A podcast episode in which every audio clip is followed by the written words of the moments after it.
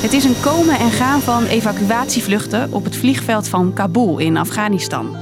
En dat moet ook wel, want er is haast. Het kan maar tot August the 31st. 31st of August. 31 augustus. een keiharde deadline. The sooner we can finish, the better. En of die wordt gehaald? We hebben extra tijd nodig. Ik ben Hilde en ik leg je uit waarom het steeds over 31 augustus gaat en wat de gevolgen zijn van deze deadline. Lang verhaal kort. Een podcast van NOS op 3 en 3FM. Het is chaos in Kabul op het vliegveld. Je hebt de filmpjes vast gezien van radeloze mensen die met vliegtuigen meerennen omdat ze Afghanistan willen ontvluchten nu de Taliban weer aan de macht zijn, omdat de Amerikanen en hun bondgenoten het land verlaten. De Taliban regeren met harde hand, Het is, het is echt verschrikkelijk. zegt ook Mohammed. Hij spreekt dagelijks met mensen in de buurt van de stad Herat. Mensen worden berecht, die krijgen zweepslagen. Mensen worden opgehangen eh, aan de poorten van steden. Alleen het vliegveld in de hoofdstad Kabul hebben de Amerikanen nog in handen. Dat vinden de Taliban nu nog oké.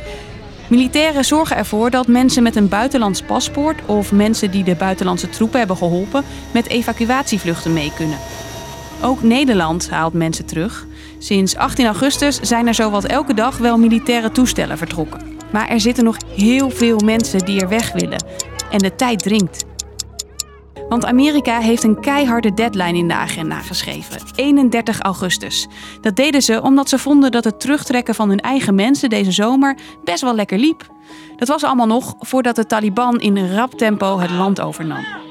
Inmiddels smeken veel landen om die datum op te rekken, want ze hebben de hulp van de Amerikanen op het vliegveld nodig. Toch blijft de Amerikaanse president Biden bij die datum. We are currently on a pace to finish by August the 31st. En daar kunnen ze wat de Taliban betreft Uh, you can say it's a red line. niks meer aan veranderen, want gezegd is gezegd. En eigenlijk ligt die deadline nog veel vroeger, legt Amerika-correspondent Lucas Waagmeester uit. De Amerikaanse militaire top zegt nu, wij hebben nog 6000 militairen ook op de grond daar. We hebben nog zwaar materieel daar ook op de grond. Dat willen we niet zomaar cadeau doen aan de Taliban, dat materieel. Dus daar hebben we ook nog een, echt een aantal dagen voor nodig om dat weg te krijgen. Dus trek die dagen ervan af en dan is het waarschijnlijk na komende vrijdag niet meer mogelijk om burgers te evacueren. En dat betekent dat, tijd dringt eh, voor buitenlanders en Afghanen die voor hen hebben gewerkt. zegt onze andere correspondent Aletta André.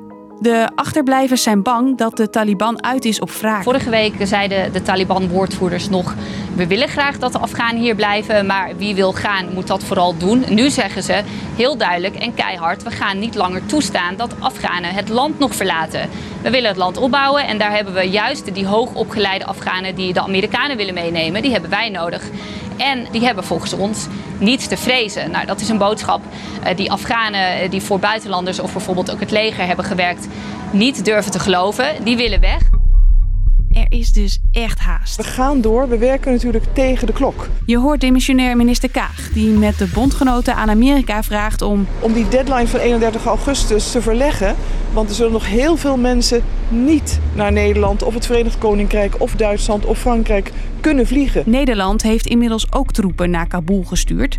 Militairen die mensen gaan ophalen die zelf niet veilig naar het vliegveld kunnen komen. Hoe ze dat precies gaan doen, dat wil Defensie om veiligheidsredenen niet zeggen.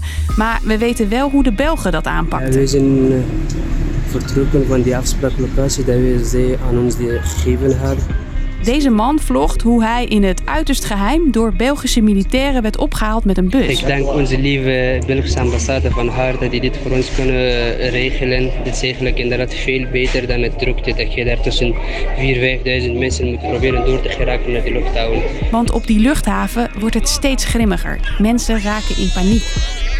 Honderden Nederlanders zitten nu nog in Afghanistan.